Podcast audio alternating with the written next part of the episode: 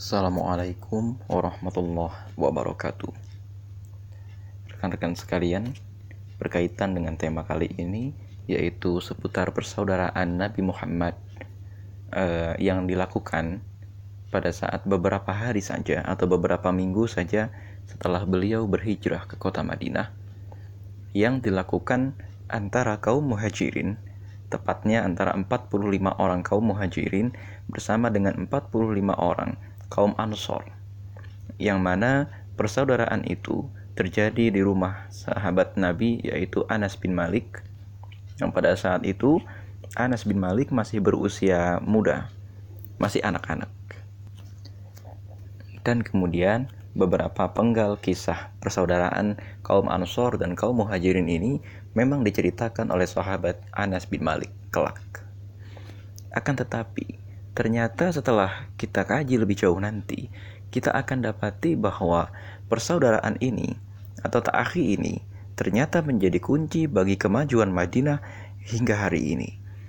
Ya, sampai dengan setidak-tidaknya pada masa Khulafaur Rasyidin, kota Madinah terbukti mampu menjadi ibu kota peradaban dunia yang mana dari kota Madinah semua pasukan diberangkatkan untuk menaklukkan Palestina, untuk menaklukkan kota Madain, untuk menaklukkan Yerusalem, untuk menaklukkan Mesir, dan bahkan untuk menaklukkan kota Damaskus.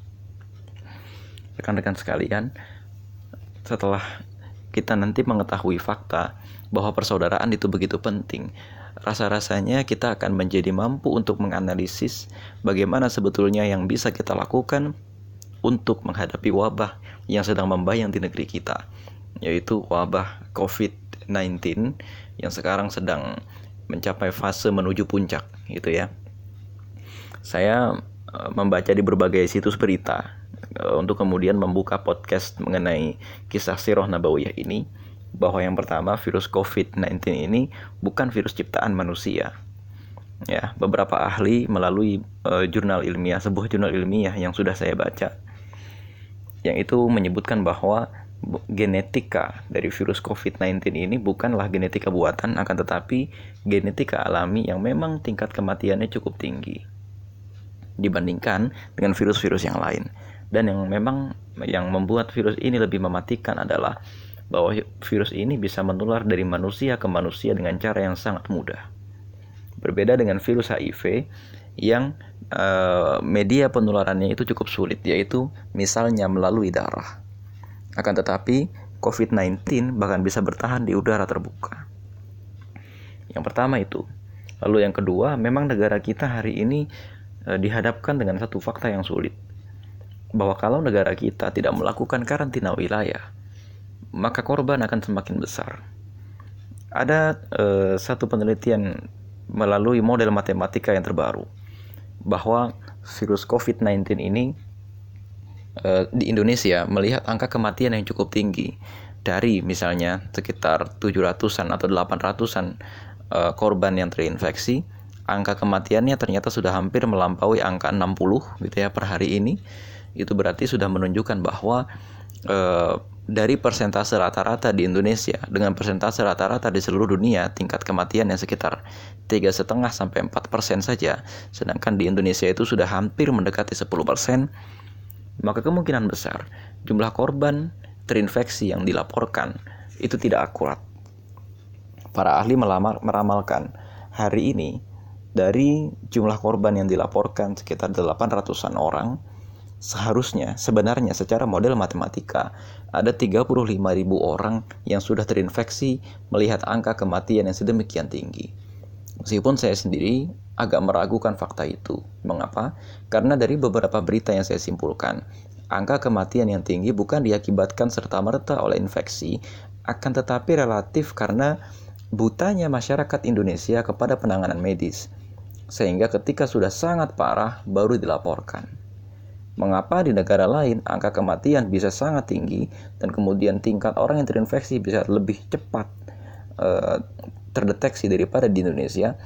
Karena program jaminan kesehatan masyarakat sudah menjangkau semua orang, sehingga ketika terjadi penyakit sedikit saja, maka mereka bisa langsung mendaftar kepada rumah sakit atau mendaftar kepada klinik untuk segera diperiksa. sehingga sebelum parah mereka sudah ketahuan bahwa mereka terinfeksi dan sudah sembuh. Uh, berbeda dengan di Indonesia. Tapi ini hanya pendahuluan kajian kita. Kita akan masuk gitu ya kepada uh, kisah persaudaraan antara para kaum muhajirin gitu ya dengan kaum ansor. Rekan-rekan sekalian, cerita ini akan kita mulai dari pada saat perjanjian Aqobah pada saat perjanjian Aqobah atau Bayatul Aqobah, ya sumpah Aqobah. Kira-kira dimulai satu setengah tahun atau satu tahun sebelum Rasulullah itu berangkat hijrah ke Madinah.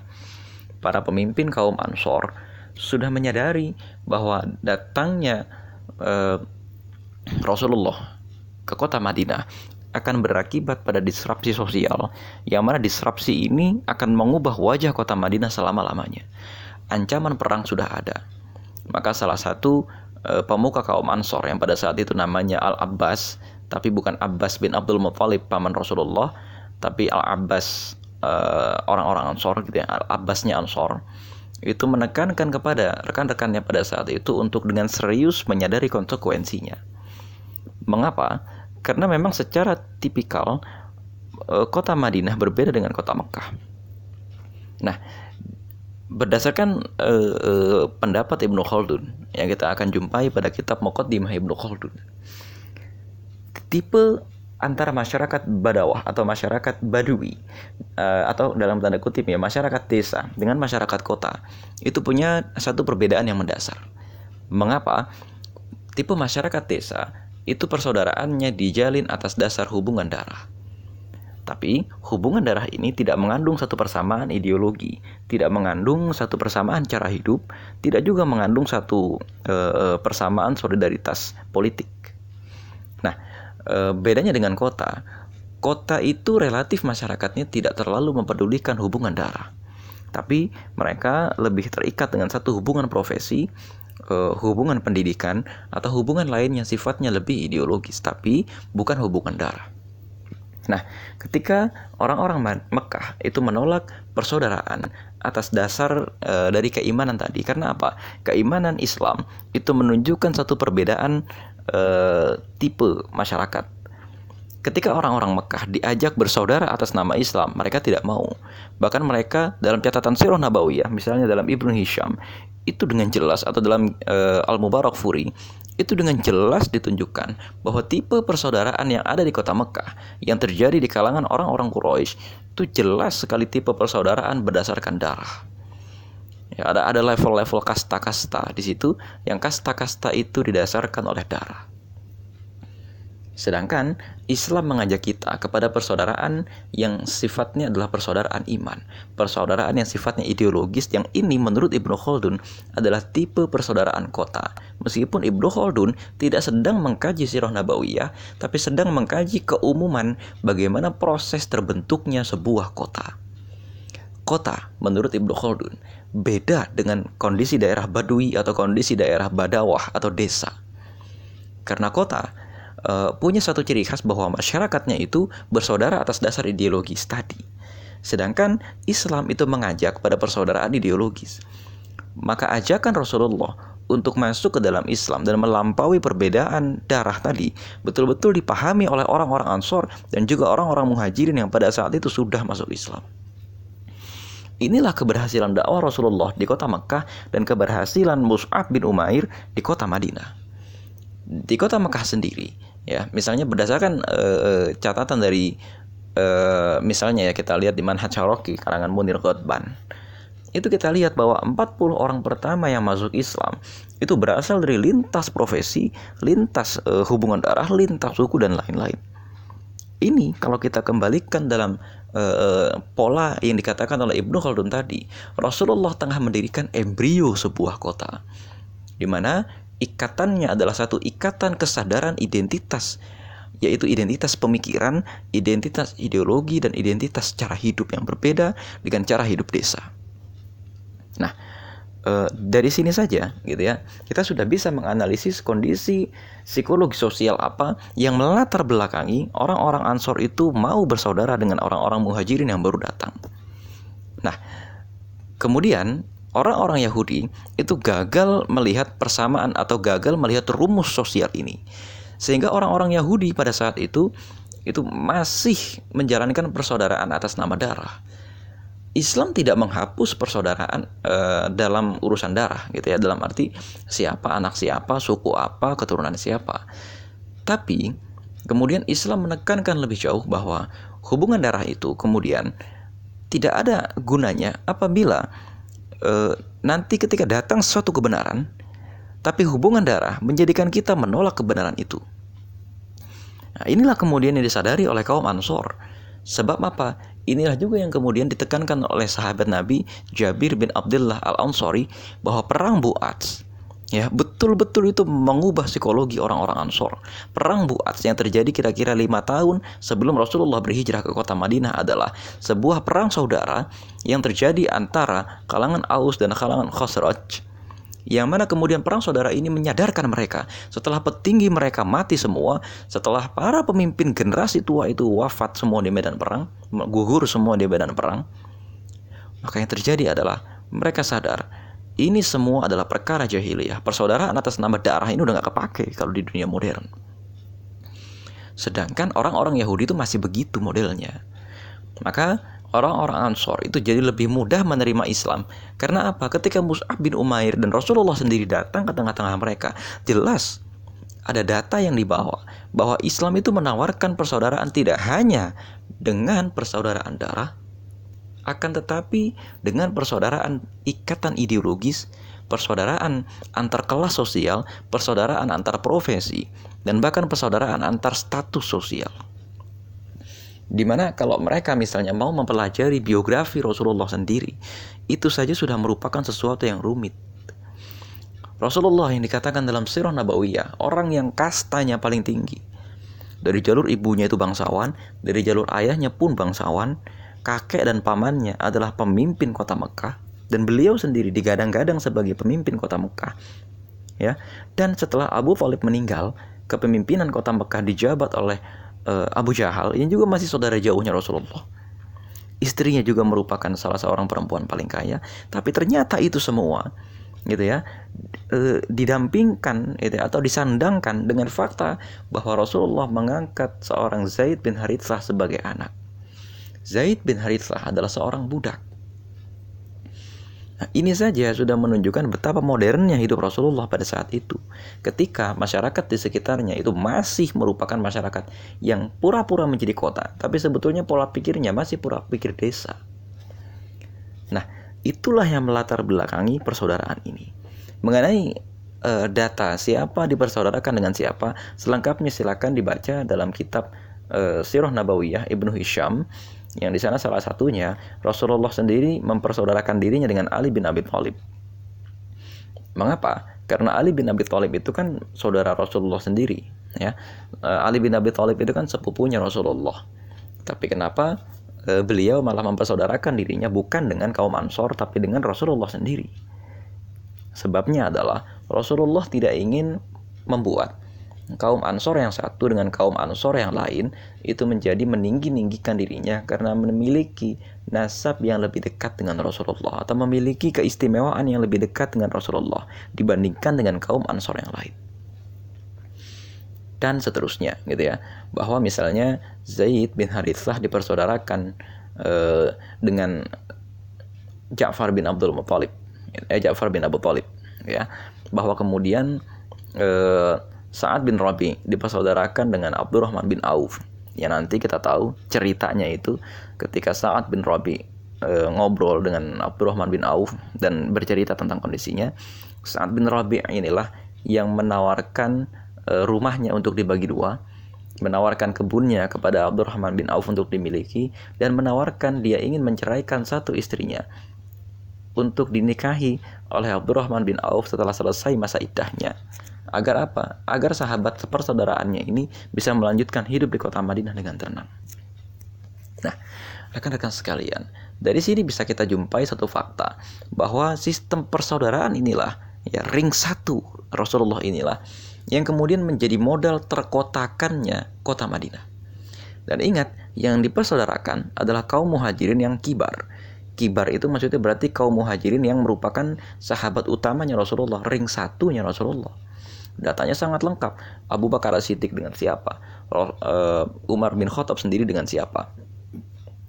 Utsman bin Affan sendiri dengan siapa? Dan seterusnya sampai Zaid bin Haritsah, Hamzah bin Abdul Muttalib. Terus kemudian itu ya, lengkap orang per orang dipersaudarakan dengan siapa dan orang-orang Ansor yang dipersaudarakan oleh Rasulullah itu bukan orang Ansor sembarangan tapi para pemimpin kaum Ansor, para pemimpin Khasraj dan Aus. Ini kemudian akan menjadi modal gitu ya. Madinah sebentar lagi akan menjadi kota dan orang-orang Ansor menyadari ini. Sementara hal ini yang kemudian tidak disadari oleh orang-orang munafik ini juga yang tidak disadari oleh orang-orang Yahudi dan ini yang lebih tidak disadari oleh orang-orang Quraisy. Ya. Dan kemudian maka e, dari sini gitu ya, mari kita misalnya membincangkan sedikit modal awal yang dimiliki oleh orang-orang Islam bahkan pada pekan-pekan pertama kedatangan Rasulullah. Dengan ta'akhi ini, Rasulullah itu membangun ring satu ya, modal terbentuknya sebuah kota kalau menurut Ibnu Khaldun. Dan Rasulullah ya uh, menaikkan lagi level persaudaraan ini kepada level persaudaraan intelektual. Caranya bagaimana? Ketika orang-orang Yahudi sudah punya satu lembaga pendidikan secara akademik, namanya Baitul Midras, gitu ya. Baitul Midras itu kalau dalam bahasa kita uh, semacam TPA atau semacam eh, RTQ, gitu ya, RQ lah, gitu ya, rumah Al-Quran, rumah Quran untuk mendidik orang-orang Yahudi dengan Taurat tapi yang bisa dididik di sana itu bukan orang-orang Yahudi kebanyakan, hanya anak-anak dari pemimpin Yahudi, anak dari pendeta itu sendiri atau memang calon pendeta. Dan kemudian orang-orang Ansor sendiri tidak memiliki lembaga semacam itu. Nah, ketika Rasulullah mempersaudarakan orang-orang Ansor dengan orang-orang Muhajirin, orang-orang Ansor dan orang-orang Muhajirin saling mengajari mereka, ya, saling mengajari dengan ilmu yang sudah didapatkan dari Rasulullah Orang-orang muhajirin tentu saja lebih memahami ayat-ayat Makkiyah yang diturunkan di kota Mekah dan juga konteks ketika ayat itu diturunkan. Sebagai contoh misalnya gitu ya, surat Al-Furqan dan sebagian besar surat uh, dari juz 22 ke bawah itu rata-rata diturunkan di uh, kota Madinah. Apa diturunkan di kota Mekah kecuali juz 28 yang kebanyakan diturunkan di kota Madinah. Nah, juz 27 juz 29 apalagi, juz 30 apalagi, juz 22, 23, 24 dan seterusnya. Itu kebanyakan e, diturunkan di kota Mekah dan orang-orang muhajirin itu kemudian mengajarkan kepada orang-orang Ansor di musola-musola kecil atau di Masjid Nabawi dan akhirnya apa yang terjadi? Mereka punya solidaritas intelektual. Nah, solidaritas intelektual ini adalah ciri-ciri orang kota. Seperti kita tahu, di kota itu ada asosiasi-asosiasi berbasis bidang ilmu.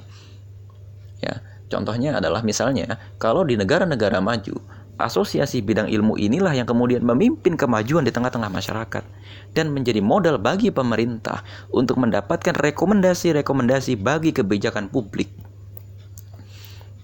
solidaritas intelektual ini yang kemudian masih lemah ada di Indonesia. Padahal pada saat itu ya Rasulullah sudah mengajarkan itu.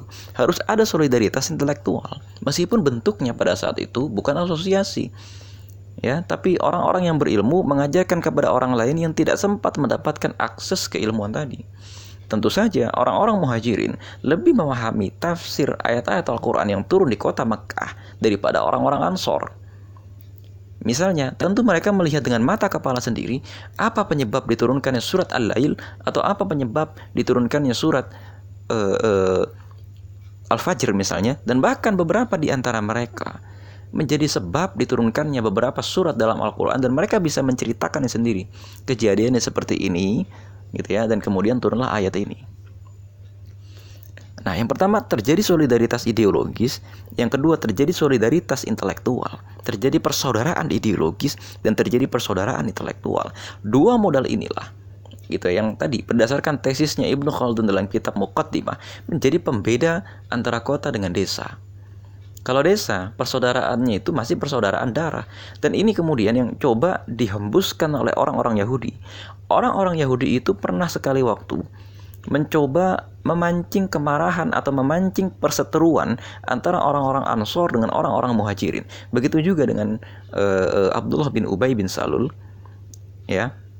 yang suatu waktu pernah memancing kemarahan orang-orang Ansor dengan mengatakan bahwa e, nanti orang-orang muhajirin itu akan mengambil tanah kalian, akan mengambil kepemimpinan kota ini dari kalian setelah kalian e, memberikan mereka makan seperti seperti bahkan anjing saja gitu kata mereka ya tidak akan melakukan itu kepada tuannya.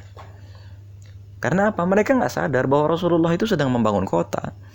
Dan orang-orang munafik serta orang Yahudi itu berusaha menahan kemajuan yang diciptakan oleh Rasulullah.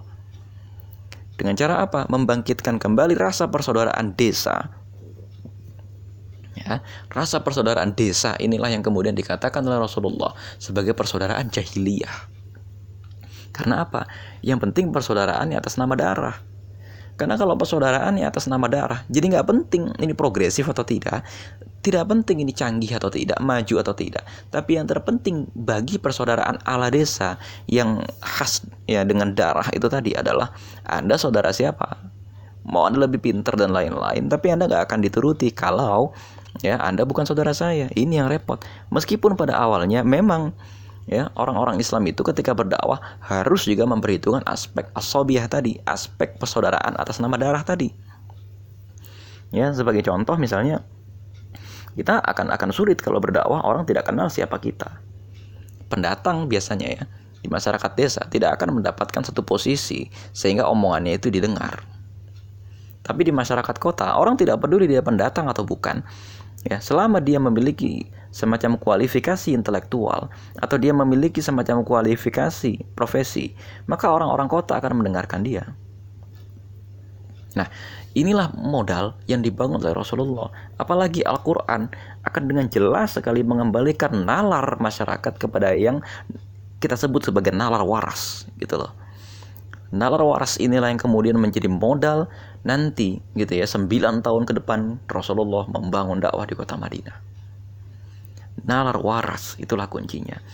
Nalar kota itu biasanya adalah nalar waras. Mengapa? Karena nalar itu dibangun atas bangunan akademik yang tidak sederhana. Nalar waras itu dibangun atas pembuktian-pembuktian ilmiah yang tidak sederhana yang kemudian tidak hanya sekedar karena yang ngomong itu bukan saudara saya maka saya nggak percaya. Karena yang ngomong itu nggak kenal maka saya nggak percaya. Karena yang ngomong itu bukan orang yang sehari-harinya saya kenal maka saya tidak percaya. Cara orang kota menyatakan siapa diri mereka adalah dengan kualifikasi akademik tadi. Orang-orang muhajirin tadi misalnya, orang nggak peduli lagi Anda dari suku mana, Anda dari keturunan siapa, tapi yang terpenting adalah kebersamaan Anda secara akademik dengan Rasulullah, kebersamaan Anda secara ukhuwah dengan Rasulullah, atau misalnya berapa banyak hafalan dan berapa banyak pemahaman Anda kepada Al-Quran, maka Anda ya posisinya di mata masyarakat kota itu menjadi berbeda. Ya inilah kemudian yang yang dicontohkan dengan baik oleh sistem ta'akhi Rasulullah ini. Nah, ini yang kemudian bagaimana misalnya aplikasinya dalam penanganan wabah corona di Indonesia. Ya, ini kajian sirah tapi sirah ini jelas sangat aplikatif. Jelas sekali. Pemerintah itu beberapa minggu yang lalu mengumumkan adanya karantina wilayah sebagian atau juga mengumumkan adanya pemisahan fisik atau pembatasan fisik gitu ya. Physical distancing yang sebelumnya kita kenal dengan nama social distancing gitu ya. Uh, tapi tampaknya tidak dipatuhi oleh masyarakat. Mengapa? Karena ternyata memang sebagian masyarakat di Indonesia dari tanda-tanda sosial yang ada itu masih masyarakat desa. Kebijakan pemerintah yang disampaikan melalui lembaga resmi pemerintahan atau bahkan perwakilan resmi dari sebuah organisasi profesi, dokter misalnya atau guru misalnya atau yang disampaikan misalnya gitu ya melalui perawat, pakar virologi dan lain-lain ternyata tidak akan didengarkan oleh masyarakat desa. Mengapa? Karena menurut Ibnu Khaldun, bagi masyarakat desa yang didengarkan oleh masyarakat desa adalah yang kita sebut dengan istilah kepala solidaritas sosial. Siapa itu kepala solidaritas sosial? Kepala solidaritas sosial bisa merupakan kepala suku, ulamanya, eh, atau kemudian pendetanya, atau juga kemudian bisa kita lihat sebagai dukunnya. Nah ini yang kemudian tidak dilihat oleh pemerintah, tidak juga dilihat oleh generasi milenial. Ada dua hal yang saya soroti di sini. Pertama, gagalnya transmisi atau gagalnya uh, penyampaian informasi dan perintah dari pemerintah kepada masyarakat. Mengapa? Karena caranya salah. Ya, media sosial memang menurut teori generasi X, Y, Z menjadi satu tanda transformasi generasi dari X ke Y, Y ke Z. Salah satu ciri-ciri generasi milenial adalah tingkat e, penggunaannya kepada media sosial, medsos. Tapi yang menjadi masalah ternyata e, benak masyarakat kita itu masih benak masyarakat desa, hanya alatnya sudah alat masyarakat kota. Sehingga apa yang terjadi ketika pemerintah itu memanggil para selebgram, ketika pemerintah itu memanggil para influencer, ya atau ketika misalnya Ridwan Kamil dan Anies Baswedan dan termasuk Presiden Joko Widodo sendiri tampil sebagai e, orang kota yang menyampaikan pesan kepada masyarakat e, milenial yang menggunakan media sosial. Ternyata pesan itu tidak sampai. Sehingga masyarakat gaduh.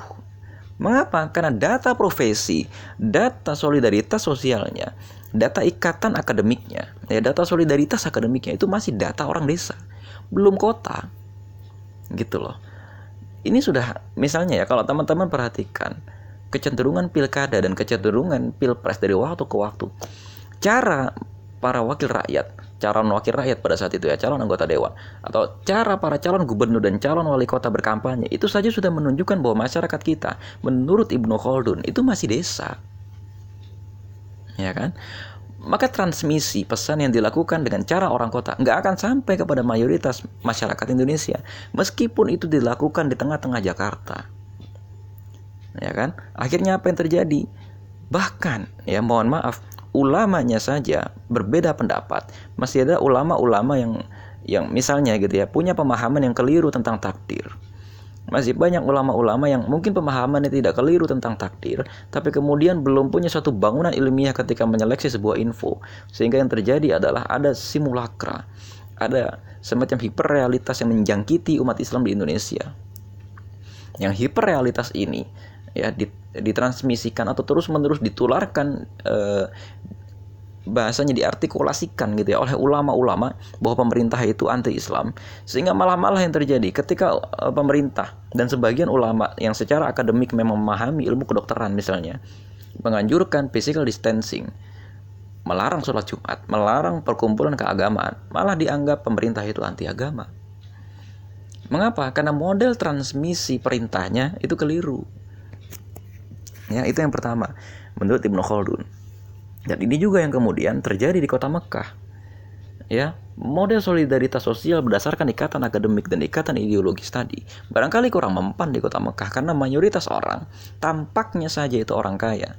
Orang-orang semacam Abu Jahal, orang-orang semacam uh, Akhnas bin Shuraik misalnya, Walid bin Mughirah misalnya, tampaknya saja orang kota, kaya, rumahnya besar dan lain-lain, tapi dalam benak mereka mereka itu sebetulnya masih memiliki pola pikir orang desa yang bukan cuma cara bersaudaranya, tapi cara hidupnya juga masih cara hidup orang desa. Cara mereka memahami informasi, cara mereka memahami kemajuan-kemajuan, itu masih cara orang desa. Nah, dalam penanganan virus corona ini, misalnya kan sebentar lagi akan ada e, karantina wilayah secara total. Ya, sebentar lagi misalnya akan ada e, kenaikan harga-harga dan lain-lain. Ketika misalnya pemerintah e, ingin mengatur masyarakat untuk bisa mengikuti tindakan-tindakan pemerintah, maka yang harus dilakukan oleh pemerintah adalah kepala solidaritas sosialnya, baik itu kepala suku, ulamanya, ketua-ketua ormasnya, atau bahkan dukun-dukunnya sekalipun. Itu dikumpulkan dulu, diyakinkan kepada mereka, ditransmisikan dulu kepada mereka pesan-pesan yang ingin disampaikan oleh pemerintah kepada masyarakat. Biarkan nanti mereka yang menyampaikan kepada masyarakat. Karena apa? Menurut Ibnu Khaldun, tipe solidaritas masyarakat kita itu masih tipe solidaritas orang desa. Ini yang kemudian di kota Madinah itu dialami oleh orang-orang Yahudi, dialami juga oleh orang-orang munafik. Dialami juga oleh orang-orang Badui. Contohnya misalnya ada Musailamah al-Kadzab, di mana Musailamah al-Kadzab itu keliru meyakini bahwa kenabian itu satu jabatan yang bisa diwariskan atau satu jabatan yang kemudian bisa diklaim ya. Kemudian apa yang terjadi? Musailamah al-Kazab mengklaim menjadi nabi. Dan ini kemudian banyak yang mengikuti. Karena apa? Musailamah al-Kazab syiarnya itu kan e, membawa-bawa masalah keturunan. Ya, si jujur e, dari Mudor lebih e, gini, si pembohong dari Robi'ah lebih kami percaya dari si jujur dari Mudor. Mengapa? Karena nenek moyangnya Rasulullah itu namanya Mudor, nenek moyangnya Musailamah namanya Robiah gitu loh. Jadi ibaratnya kalau kita mau ngomong gitu ya, eh, orang jujur dari Jawa Barat lebih kita eh, orang-orang bohong pembohong dari Jawa lebih kita percaya daripada orang jujur dari Papua gitu loh. Itu jahiliyah. Ya, itu jahiliyah banget, banget, sangat jahiliyah. Dan memang kan tipe masyarakat kota Mekah pada saat itu menumpuk-numpuk kekayaan, menampilkan kekayaan itu di muka publik, bermewah-mewahan. Dan itu bukan ciri-ciri orang kota. Itu adalah ciri-ciri orang desa. Sementara ciri-ciri orang kota biasanya itu tidak uh, tidak menampilkan kekayaan. Menumpuk kekayaan mungkin iya, tapi tidak menampilkan secara berlebihan. Itu loh yang menjadi masalah. Maka di balik sistem ta'akhi yang diterapkan oleh Rasulullah, tersimpan satu benih pembangunan kota. Tersimpan satu langkah awal terbentuknya sebuah kota berupa solidaritas ideologi dan solidaritas intelektual. Nah, solidaritas ideologis inilah yang kemudian tampaknya tidak terjadi antara kalangan masyarakat pada umumnya, kalangan pekerja atau workers, kalangan petani, kalangan pebisnis, kalangan korporat, dan kalangan para pemilik modal, apalagi kalangan pemerintah. Hari ini saya memandang berdasarkan apa yang kita tadi kaji dalam Muqaddimah Ibnu Khaldun misalnya, tidak terjadi solidaritas sosial antara pemerintah, masyarakat, korporat dengan para pekerja. Hari ini misalnya ya eh, modal-modal asing itu rame-rame cabut dari Indonesia karena memang ketidakpastian iklim di Indonesia, ketidakpastian iklim ekonomi di Indonesia pasca terjadinya virus corona. Apa yang terjadi? Pemerintah kelimpungan, rupiah itu semakin turun, sementara ekspor impor itu menggunakan kurs dolar. Sehingga apa yang terjadi? Uang pemerintah makin habis, rupiah makin anjlok, jadi harga barang-barang itu semakin tinggi yang diimpor dari luar, Contohnya apa? Masker, sebagian barang-barang bangunan, obat-obatan. Gitu kan pemerintah kan itu mengimpor semacam obat namanya chloroquine yang katanya bisa mempercepat penyembuhan atau bahkan bisa menyembuhkan penyakit corona ini, penyakit COVID-19 ini. Tapi yang terjadi ketika rupiah semakin anjlok, tentu harganya tidak sama. Ketika rupiah misalnya masih di angka 12.000 atau di angka 13.000. Ini saja sudah membuat pemerintah kelimpungan. Ditambah lagi dengan ditariknya modal-modal gitu ya dari sejumlah kegiatan investasi di Indonesia. Ini membuat pemerintah tampak sendirian dalam menghadapi wabah ini. Solidaritas e, sosial, solidaritas ideologi maupun solidaritas intelektual tidak dimiliki oleh para pebisnis itu. Sudah para pebisnis itu dimuliakan, ya diberikan karpet merah, diistimewakan dengan omnibus law, tapi ternyata mereka tidak menampakkan solidaritas ketika terjadi wabah, mereka malah meninggalkan kita. Dan pemerintah dengan bahasa politiknya selama ini ya sudah terlanjur membuat umat Islam sakit hati, sudah terlanjur membuat terutama masyarakat akar rumput yang dipimpin oleh misalnya organisasi semacam FBI, Pemuda Pancasila, Majelis-Majelis Habaib, yang kalangan habaibnya sudah disakiti, ulama-ulamanya sudah disakiti. Dan masyarakat akar rumput akan menerjemahkan kebijakan pemerintah itu sebagai tindakan anti-Islam dan memang masyarakat akan menolak apa pun instruksi pemerintah yang tidak diartikulasikan melalui lisan para ulama, lisan para habaib. Data sosial semacam inilah yang kemudian gagal dibaca oleh para penasehat presiden. Ya, padahal data ini sesungguhnya bisa kita lihat dalam sirah nabawiyah. Ya, kan rekan sekalian, dalam dibalik uh, uh, kisah ta'akhi atau kisah persaudaraan yang dilakukan Rasulullah antara kaum muhajirin dengan kaum ansor. Ternyata ada kunci bagaimana cara kita menghadapi wabah corona ini. Mudah-mudahan wabah ini cepat berlalu. Allah alam Assalamualaikum warahmatullahi wabarakatuh.